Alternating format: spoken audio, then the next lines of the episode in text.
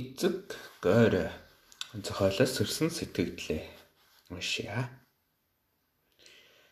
Францын нэр зохиолч Honoré de Balzac түүний эцэг гойроо зохиолыг 11-р ангийн уран зохиол хичээлээ уншиж судалсандаа баяртай байна. Гойроо аав түүний хоёр охиноос гадна тухайн үеийн Францын нийгмийг харуулсан байдаг энэхүү тууж нь 1835 онд бичигдсэнийг харахад даруй 190-д жилийн өмнө бүтээгдсэн байна. Гэтэл яагаад 2019 онд энэхүү зохиол үн цэнээ хадгалж байгаа юм бэ?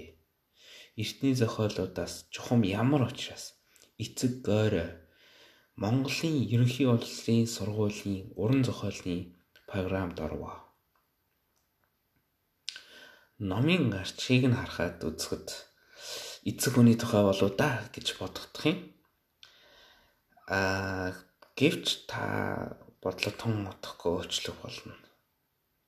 Учир нь зохиол зөвхөн аав охидын тухай гардгуу маа. Францын баячуудын амьдрал, ядуусан эмгэнэл, нийгмийн давхраажилт хүртэл өгүүлэгддэг. Миний бодлоор л та энэ туужаас Францын нийгэм түүхийг бол судлаад авч болох юм шиг зохиолын Голбатар Горь чинэлэг хүн бөгөөд огтоо сайн хадамд гаргадагч өргөдийнхэн шуналтай байдлаас болж огт нь өрөнд орцгон аваасаа мөнгө авсаар агаад өөрсдөө ядуурдаг учраас бүр хямдхан дэм буудалд хоноо залгадаг болжээ. Дэм буудлын эзэн Воки хүртэл эд хөрөнгийг нь харж түүнтэй гэрлэхийг хүсдэг хэсэгч бий. Үүнээс гадна аавтайгаа уулзахгүй бүр тоохоо байсан тухай охтыг шүүмжлэнэ. Гойр магадгүй Францаар яаж уншихыг мэдэхгүй байна. Горио. Гориог бол нутгийн хоёр оюутан өөрсдийнхөө хумсын чинээ өчүүхэн цалингаар цагаан давуу арайхийн олж биеийг нь орон хямдхан авсанд оршуулж байхад төрсэн охтууд нь яасан ч тоохгүй ирэхчгүй байдаг уг хэсгээс охтыг ямар сонин юм бэ гэж гайхах мэдрэмж төрсөн юм. Төрсөн эцэгтэй хайртай л баймарсан. Ийм сонио хачиргалтай мэдрэмж төрүүлсэн учраас Бальзакийн өөр нэгэн зохиол хүн төрлөختний хөөр хилэллийг сонирхож үзэхэд мянгаас 2000 дүртэй гинэ. Ба ямарсан их юм бэ? Үнэхээр байж боломгүй ол юм аа дүр болгоноор л санаа дэвшүүлсэн гэхээр балцааг үнэхээр чадварлаг болтой шүү. Аа мөн зохиол болгоны дөрүүд давхцдаг нь түнд ертөнцийг харах үнцэг байдаг баг. Өөрөөр хэлбэл түүний бодолд аав хүн гэж ганц дүр байдаг. А тэр нь бодит амьдралын бүх автай төстэй. А тэрээр энэ тухай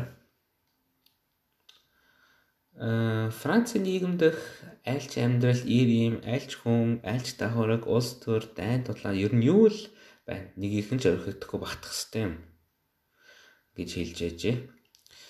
Аа тэгэхээр оогт балзак зохиолоо маш чанартай. Ам бодит амьдрал дээр ерөнхий шинж дээр нь тулгуурлаж олон дүрээр бичдэг юм байна. Миний бодлоор энэ олон нийтэд ойлгоход маш төхөн болох болно. Дээр хэлсэнчлэн олон дүрийг судалдаг мань зохиолч өөрийгөө түүхч гэдэг байсан мэдээллийг номын хэсгээс харлаа л та. Нэрнч түүнийг түүхч гэхэд буруудахгүй дээ. Учир нь зохиол болгонд нь Франц эсвэл бас Европын түүхийн үйл явдал гардаг. Зохиолынхоо гол санааг бүрэн гаргахын тулд түүнд нийгэм, эдийн засаг, улс төрийн мэдлэг бас хэрэг болох нь зайлшгүйц. Юунээс нь харуул түүнийг нэг зохиолын ард үнэхээр их хөдөлмөр байдсан байна. Тийм ч учраас хүмүүс таалагдаж уг зохиол олны дунд ер нь маш үн цэнтэй зохиол болж. Тэгэхээр ийм үн цэнтэй зохиолд илэрхийлэгдэж буй асуудлууд одоогийн Монголд цөөнгөө байгааг ажиглаж болно эд хөрмөний шунал хүсэл тачаал өнөөгийн арчилсан нийгэм нилээд их байгаа нь 1800 оны үеийн Европтой ижил байгаа. Өөрөөр хэлбэл барууны эртний асуудлууд өнөөгийн Монгол толгомдод байх боллоо.